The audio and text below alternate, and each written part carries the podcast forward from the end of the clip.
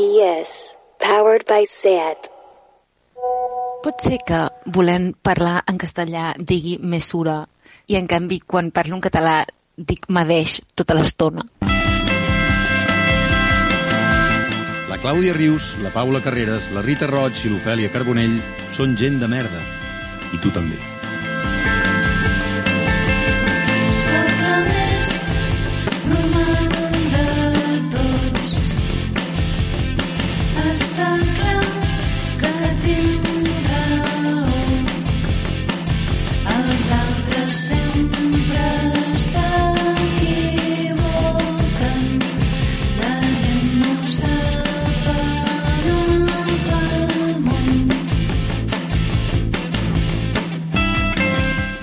Paula, bon dia. Bon dia, Clàudia. Rita, bona tarda. Bona tarda. Ofèlia, bona nit. Bona nit. Bon dia, bona tarda, bona nit. Tant se val quan escolteu això, perquè si va haver una cosa sobre la qual no ens van avisar quan érem petites, és que a cert punt de la nostra vida hauríem de veure ressorgir els fatxes i que tot aquest discurs antifeixista que apreníem a la joventut realment l'hauríem d'acabar aplicant en uns contextos molt pitjors dels imaginats.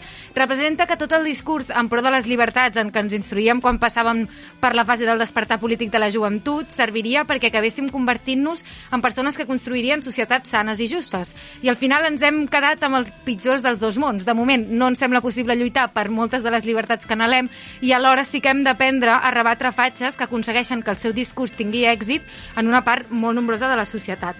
Sobre tot això en parlarem avui amb gent molt guai, però abans us vull recomanar un web de la Fundació.cat, la casa dels catalanoparlants a internet, que es diu partisano.cat, que és una pàgina web que ven samarretes i coses amb missatges reivindicatius tant per la llibertat de Catalunya com missatges així d'esquerres en general. I amb aquesta recomanació comencem el programa. Paula, quina és l'última persona que has estalquejat? No és una persona, és talquejat a un col·lectiu que, segons ells mateixos, investiguen noves formes de feixisme a través del feminisme pop i del shitposting anticapitalista. L'estalquejada a la cara. Quan en un jardí d'amor neix una divina flor, una. Iris i Héctor, què tal, com esteu? Molt bé. Us he presentat com a Iris i Héctor perquè vosaltres formeu part del Projecte Una i, per tant, avui parleu en, en nom del Projecte Una, que és un col·lectiu que, que eh, estudieu com noves formes de feixisme, però expliqueu una mica què sou i què feu. Projecte Una és un col·lectiu d'escriptura. Nosaltres ens definim com a, com a col·lectiu millennial perquè creiem que és important també que se sàpiga exactament mm, quina tenim i de quina generació formem part. I ens dediquem a analitzar aquestes noves formes de feixisme que estan sortint i com es relacionen amb tot aquest auge del feminisme pop que hi ha hagut i que hem vist en els últims anys i, i com aquestes dues coses al final mm, col·lisionen per crear un munt de reaccions mm, per les que no estan preparades o, o potser sí. S'ha de ser valent, eh, per parlar d'aquests temes, Sí, perquè, sí, perquè- qui no vol entendre-ho no ho entén. I llavors això és com... Perquè, i precisament, eh, per això que diu la Clàudia, com, com expliqueu? Quin és el vostre, el vostre estil? Perquè jo crec que és un molt concret, com a mínim, veient-vos a les xarxes, l'Instagram, el Twitter, eh, sembla que expliqueu tot això a través de memes, però suposo que eh, heu, heu escrit un llibre, per tant, suposo que, que ho feu a través de moltes altres coses.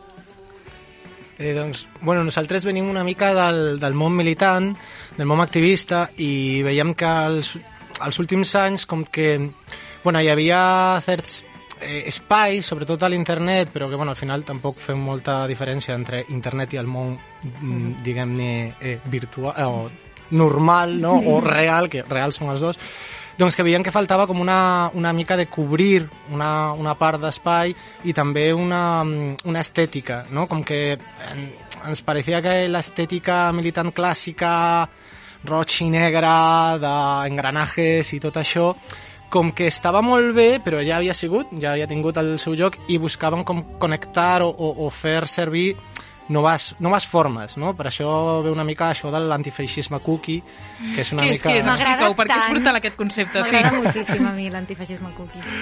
Eh, no, és, és, una mica, és una mica una provocació, en veritat, no? O sigui, al final com que el, el rotllo antifa que tenim al, a la ment és una mica els, els pelats dels 90, no? els pelats bons contra els pelats dolents, que després tothom era un machirulo que flipes, una mica així, i, i com que ni el feixisme d'ara és el feixisme dels 90, ni nosaltres hem de fer servir les mateixes eines. No? Perquè és que d'alguna manera feu activisme antifeixista a través de, de coses com de... com coses maques, o sigui, és, és com... Té, una, té un component estètic tot el que feu. O sigui, combateu el feixisme a través de... de, La de purpurina i el rosa, Sí. que és molt guai. Sí. O sigui, i crec que no era un meme vostre, però, però m'hi ha fet pensar que vaig veure un meme fa poc que sortia la Hello Kitty i posava, de pequeña me daba asco el rosa, ahora Sí. me da asco la policía. I és, això és antifeixisme cookie. Del meu cap, aquest meme és la definició Totalment. i és el que us dediqueu a fer vosaltres, en realitat. Sí, al final hi havia un buit, no?, en certa manera, perquè al final nosaltres estem practicant o creant coses des d'aquesta estètica, però hi ha moltíssima més gent que ho està fent i s'està jugant moltíssim amb la Sailor Moon Antifa i amb la Sakura i amb tot un imaginari que, que al final tenim el, els nens i nenes dels 90 i, i, que, i que és certa apropiació per omplir un buit que, que, que abans no, no estava, simplement és això, no? Estava buit i hi havia altra gent que estava utilitzant una estètica, però, però al final molta gent s'està sentint representada per això, per tant, Clar, però calia. com, com, com...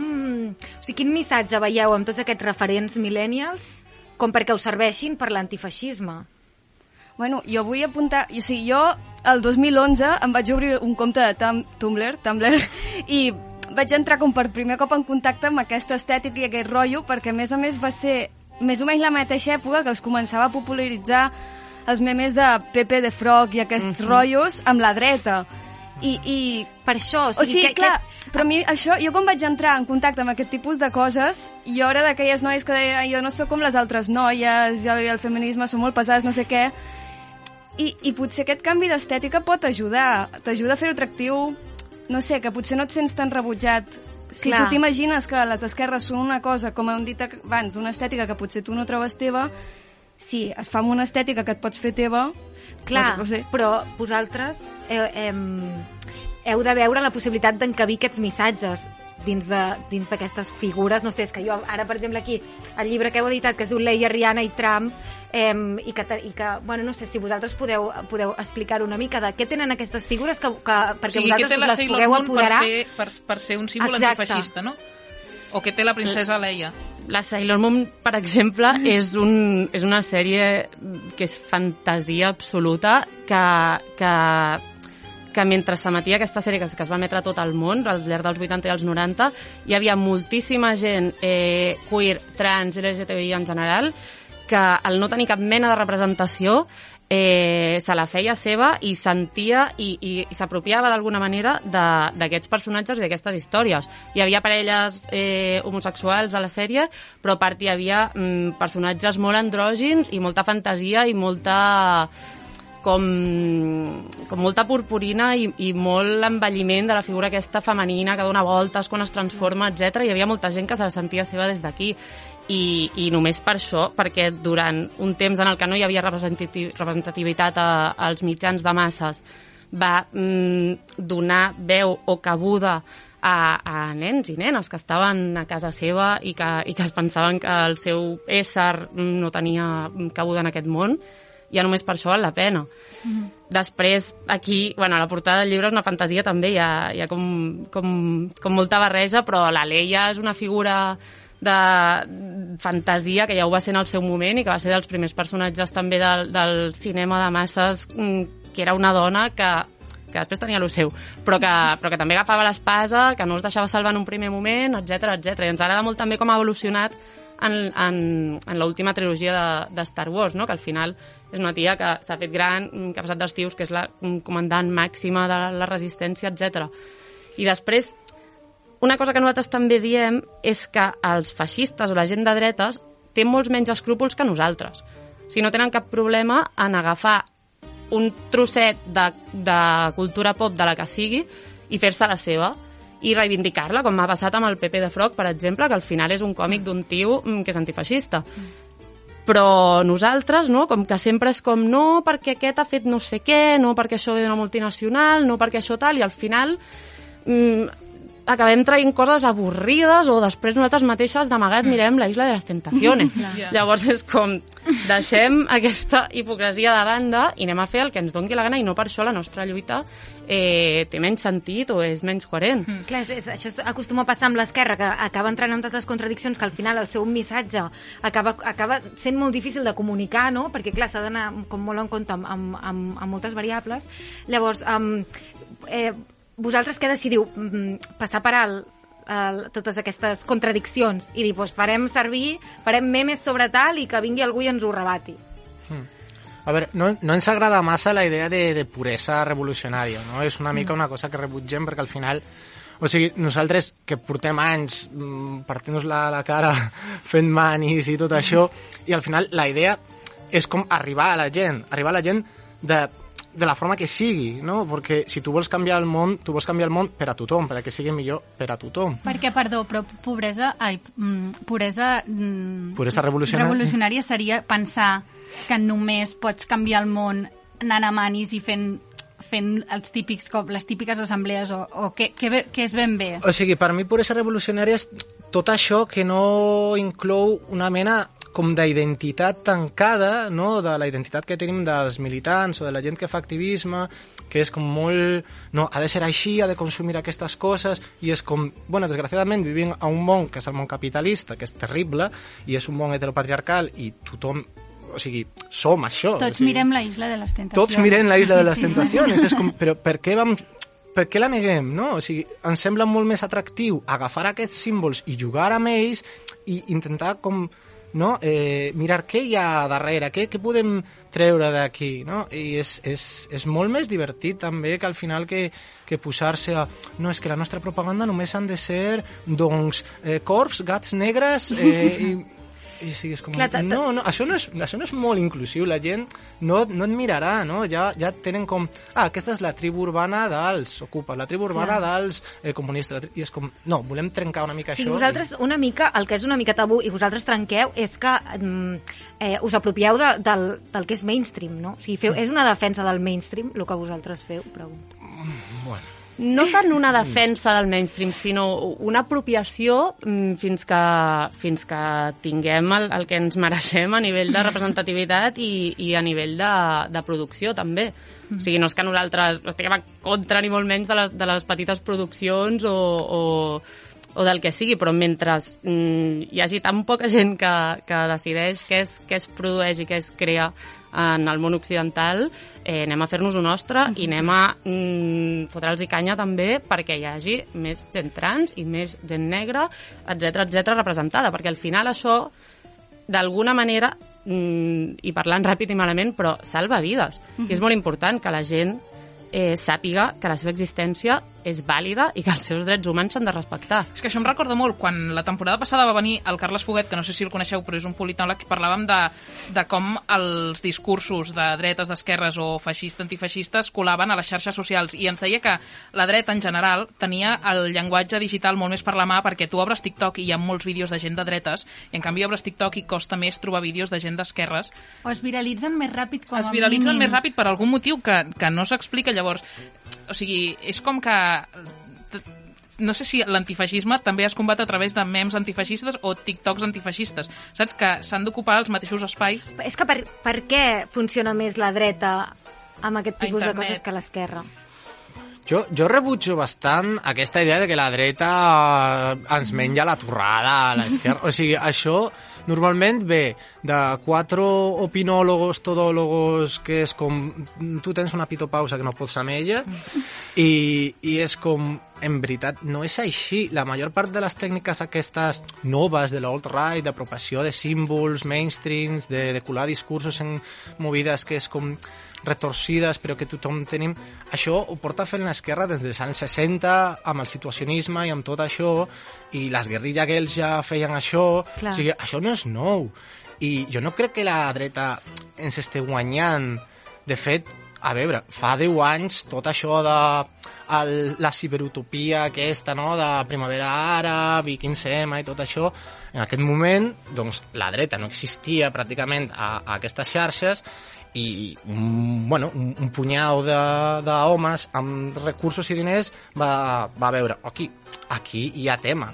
O sigui, hem de, hem de potenciar-ho. I això per una part, i per l'altra banda que nosaltres responem molt a les provocacions de la dreta. I la dreta es fonamenta molt, molt, molt en això de provocar, no? I és com, uala, lo que ha dicho, no? I, no, doncs és una mica aquesta estratègia del no le des casito, Clar. no? De sigui de rastreja-los, has de, has de saber de, de què estan parlant, quales són les seves tècniques, però no estés comentant aquest Ja, senyor patriota 00047 amb 122 seguidors. Perquè això, clar, és que això acaba passant, no? Que, que l'esquerra, eh, quan hi ha algun comentari d'aquest, se n'en fot i el que està fent és donar-li més visibilitat, no? Llavors, vosaltres què dieu? No el contesteu amb ell i fixeu-vos amb els memes que estem fent des de l'esquerra, no? Sí, això per començar. sí. L'algoritme és molt pervers i, i a més a més no, no, no decidim nosaltres sobre ell i, ni, i ningú sap com funciona exactament. Per tant, eh, s'ha d'anar molt de compte. A part de potenciar les coses de, de gent que crea coses guais, perquè moltes vegades quan parlem de feixisme o antifeixisme acabem parlant més d'ells que nosaltres, i això tampoc està bé, eh, també s'ha de s'ha d'anar amb compte en viralitzar contingut. Si ens indigna moltíssim una cosa, mm, doncs no la retuitegem, perquè llavors arribarà més gent i, i, i aquest és el Que seu objectiu, al final. clar. Sí, sí, sí. Això m'ha recordat com a un vídeo que va, va fer l'Albert Lloreta, que va ser un dels Sí. sí. primers vídeos que vaig veure d'ell, del meme de Venida por mi, que, Exacte. Sí. que llavors van començar a fer servir youtubers superfamosos, però clar, si tu buscaves l'origen del meme, era un senyor com dient als que mataria immigrants, o, bueno, no me'n recordo ben bé, però que deia missatges superracistes, super d'extrema dreta. Aquest, aquest vídeo és superbon, nosaltres el posem a, a les presentacions del llibre i, i és que ho explica superbé i al final també és aquesta falta d'escrúpols de la dreta a la que potser nosaltres mm, no cal que arribem perquè, perquè nosaltres som els bons però, però, però que també cal tenir-la en compte no? que al final mm, vull dir que colen coses superxungues en vídeos per nens Clar que la dreta, o sigui, us en recordeu quan van ser el, les manis de la, de la Policia Nacional aquí, que bàsicament aquestes manis deien volem pegar a, les, a la gent gran per manifestar-se, no? que eren totalment anticatalanistes. Aquesta gent anava vestida de 300, no? però també de, Ble de, de Braveheart, que és com, però a veure, amic meu, alma de polla, si Braveheart era indepe, no? O sigui, les da igual. I després es posa una màscara de Guy Clar, però i diuen, no, és que clar. Guy Fawkes era cristiano, i és com, no, tu saps que és Guy Bueno, Fawkes. però és que aquest és el poder, perquè, o sigui, és el poder del relat ara i aquí. Vull dir, és, per exemple, a mi m'ha semblat superinteressant el que deies, que, que realment si tu, tu pares a mirar històricament, l'esquerra ja havia fet un ciberactivisme abans, però és que en realitat que, sembla que l'únic que importa és ara, no? I llavors si ells s'apro- s'apropien del Braveheart o de qui sigui, eh, no, no ens ho parem a pensar, és que la cosa, el, la merda és que és útil. Una cosa, estem parlant tota l'estona de dreta i esquerra i de feixisme, antifeixisme. Llavors, vosaltres, en, quina de les, de, en quin dels dos eixos actueu més? Perquè entenc que és diferent actuar en l'eix esquerra-dreta que feixisme-antifeixisme, no? O sigui, hi haurà coses que seran semblants, però hi haurà coses que, que tindran matisos, no? que actuem en quin sentit? O sigui, el vostre activisme és, és contra el feixisme o contra les dretes? Bueno, contra el feixisme, contra el capital i contra tot això que negui l'existència de la gent i de la gent que volem un món millor per a tots. Qual és aquest món? Doncs nosaltres no ho direm perquè no som aquí la gent més sàvia del món, no? És un món que hem de construir entre totes. I, no sé, l'eix de, de treballar, nosaltres... O sigui, per una part tenim a les nostres publicacions a, a les xarxes socials que per nosaltres és shitposting, no? és una, mina, una, mica, una mica de, de propaganda i després al nostre dia a dia doncs fem les nostres coses. També com que l'activisme o la militància no es pot quedar només a, a fer servir les xarxes, o sigui, les xarxes són un instrument de propaganda molt pervers perquè al final pertanyen a, a, a la gent que és dolenta, perquè és la gent més poderosa del món i la gent més poderosa del món normalment és dolenta, no? Si no, no arribaria a ser això. Però com que després a les nostres vides hem de prendre decisions de on, on vas, amb qui t'organitzes, quines decisions mm, fas a la teva vida, com treballes, com consums, com, com trates a la teva àvia, no? Tot això és polític també. O sigui que està per una part la part de Projecte Una, que és merament propagandística, i després les nostres de, bueno, la vida personal de cadascú organitzant-se. Escolteu una cosa, normalment nosaltres fem ara una secció que una és de la Rita i l'altra és la de l'Ofèlia, però avui només tindrem temps de fer-ne una de les dues. Es, escolliu. Escolliu. I hem d'escollir Que violent, nosaltres. això, La me, crec que la meva és molt sacrificable, perquè hem parlat... Bueno, no ho sé. O sigui, Tirem hem amb, parlat... ti- tirem amb la de la OFE i si no, si no després recuperem algú de la teva. Però quina pressió. Pode- Es, es tornarà boig el tècnic o podem passar la de la OFE? Vale, merci. Decisions de merda.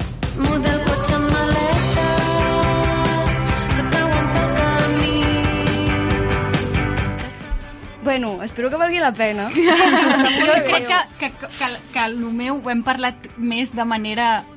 És igual. Val. Si no... Ok, molt I trust you. Vale. Val, si no em sap greu. Eh, la meva secció és una mica com un joc. Ara hem parlat de moltes coses molt denses, importants i això, i jo després el que faig és com un joc que es diu Decisions de merda, i d'avui anirà de teories conspiracinoiques que es creen a internet. Conspiranoiques. Conspiranoiques, perdó. Um, És com condescendent, que no saps mai si és condescendent Està pensant, o potser en català es diu així. No, no, què? no, no en tinc ni idea. És igual, Ah, ah, vale. paraules que costen. Endavant. Perquè sí, Hayao Miyazaki va dir anime was a mistake, samarreta, allà. Sí.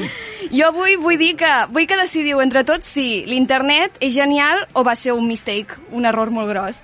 Llavors, porto el meu top 3 teories conspiracionoiques que he trobat a Reddit, que és com una xarxa... Bueno, és una xarxa. Llavors, la primera és, coneixeu Elon, Ma Elon Musk? Sí. Que, bueno, per qui no ho conegui, és un senyor que va heretar molts diners, va comprar un, una cosa, un, el Tesla, i ara es pensa que és l'Iron Man, vol privatitzar la Lluna, i hi ha rumors de que participa als moviments de Men Rights i Red Pill i coses com... és un incel? Sí, però té 50 anys. La Rita tenia moltes ganes d'acabar parlant d'incels avui. Jo, era, o sigui, la meva secció era tota només en plan, a veure si acabem parlant d'incels, ja està. Mas que Mira. incel, a mi em sembla molt bé. Val, doncs la, la seva dona actual és Grimes, Gr Grimes, no sé com es pronuncia, però bueno, que és una, és una cantant, és una artista que fa música indie i fa poc han tingut un fill i es veu que ella eh, participava bastant en Reddit i han trobat un post anònim que la gent pensa que és d'ella, però no se sap. I en aquest post ella diu que creu que el seu marit l'està intentant rentar el, el cervell per convertir-la en la ama de casa ideal que l'ha obligat a tenyir-se arròs, que l'està amenaçant amb deixar-la si es queixa per que ha de cuidar el nen i, bueno, això. Llavors, Ai, per què no el deixa? O sigui, és un post d'una senyora que diu crec que el meu marit Sí. m'està intentant manipular i ara la teoria és... Sí, perquè Que és la dona de- Perquè en el post aquest ella, ella explica que el seu nen és del mateix dia que el fill de la, que, de la Grimes i les edats que posa d'ella i de la seva parella coincideixen amb les edats d'aquell i la gent ha analitzat l'estil en què ho ha escrit i tot això i diu que és d'ella. Vale. I llavors, bueno, és bastant creepy tenint en compte que aquest senyor milionari, bueno, vés a po- potser ha fet desaparèixer ell el post, potser l'ha mat, bueno, no sé. Aquesta és la primera Ara teoria. ha desaparegut. Sí. Uf, qui ha desaparegut? El, El post, post. el post. Ah, no, encara Una cosa, jo no sé què passa avui, però és que m'està semblant tot molt difícil. Perdó. Continuem. Vale, aquesta és la primera teoria. Després m'heu de dir com quina creieu més, més verídica, quina no, i, Vale. i la reiteigeu. Vale. Vale. la segona teoria és que es diu que a- els challenges aquests d'Instagram i això de penjar una foto d'ara i una de fa 10 anys, o de penjar una foto com super arreglada i l'altra foto com plorant fatal, són com coses que introdueixen com les, les companyies Facebook o això que, que posen com algú que ho faci perquè ho fem tots i tinguin més data per analitzar-nos i vendre la nostra informació. Mira, jo això no sé, però... Ah, sí, sí, això m'ho Això, crec. Sí? això, no és una, això no és una teoria. Sí. A mi, de moment, tot el que s'ha dit em sembla, Sembla veritat. No, sí que és veritat que jo això quan ho vaig descobrir vaig flipar que eh, sabeu quan heu de posar una contrasenya o alguna que hi ha com els codis aquells que, que es veuen com borrosos o així. sí. sí, que jo em pensava que era, doncs, òbviament, perquè, perquè no siguis un robot i tal. Però resulta que són imatges que Google eh, no sap identificar perquè estan com borroses i tal. Clar, a nosaltres ja ens costa.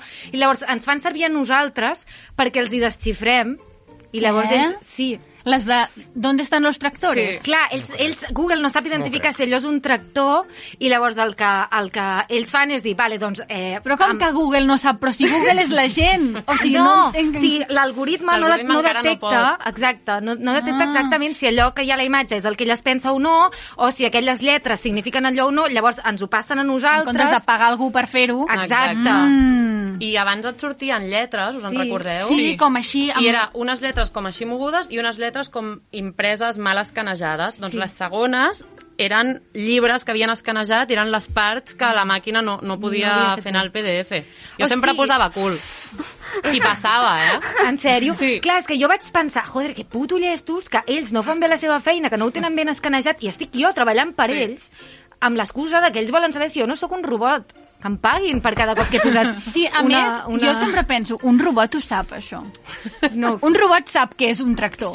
clar, doncs, doncs algú, algú passa, algú passa. Bueno, aquesta us la creieu, no? Llavors, Sí, sí, sí. aquesta sí. Vale, doncs Aquesta és, l'última... aquesta és això de... O sigui, si algú és gratis, el producte ets tu. Sí, sí. Sí. O sigui, això és que em sona Sí, totalment... ja, i això passa, bueno, com amb Ara totes les somiaré xarxes, a no? saco en això. Sí, sí. A mi em sona que... I a més Sí, no, sí, no, i no amb en tenim idea. Això és el típic de les discoteques, Sí. quan les ties poden entrar gratis. Bueno, és com el documental aquest de Netflix, el, Sí. el Social Dilemma, no? Ah, jo no, Sí. jo no l'he vist, però la Sí. gent està flipant molt amb aquest Sí. docu, no? Sí. Jo és que no necessito que em facin odiar internet. Llavors em, Ja. em trauré TikTok. No. Mira, és que si la pregunta és si odiem internet, crec que és evident que no, no? O sigui, que en general abracem a internet. El que passa és que... Que tampoc ens agrada. som- o sigui, jo, que jo responguin sé... ells, que són els convidats. Sí, bueno, queda una A mi teoria. m'encanta. Però- Digues, digues. Que- Queda temps per una teoria? Sí.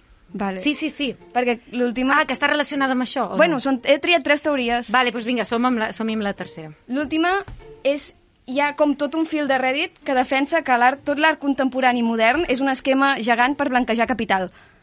Ah, però això, Això tampoc també és una veritat. Això és veritat. això és veritat. Sí, sí. Però- Ostres, ara no me'n recordo quin és aquest... aquest... Ostres, és que no me'n recordo el nom d'aquest, que era un Banfi. tipus del medio oeste... El que, fa, el que feia els quadros aquest, que era en plan de... Eh, pintat... El Pollock. Pollock. El Pollock? Era Pollock? sí. Però Pollock és americà. Sí, Sí, és, bueno. és com un tipus del, del mig oest Sí. i com que hi ha tota la teoria de que havien agafat aquest, que era com la, el mític redneck tal i qual, i havien agafat per fer un art totalment abstracte i sense sentit, com per a contrarrestar l'art eh, comunista, que era una mica més realista, més no sé què...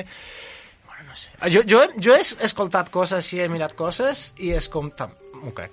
Vale. i a veure, Jo me les crec les tres. l'art contemporani és I l'última que tinc, la quarta, és ja una teoria que diu que totes aquestes teories conspiracionoiques que hi ha a internet les introdueixen FBI i aquestes coses d'intel·ligència per veure fins a on s'imagina la gent el que passa de veritat.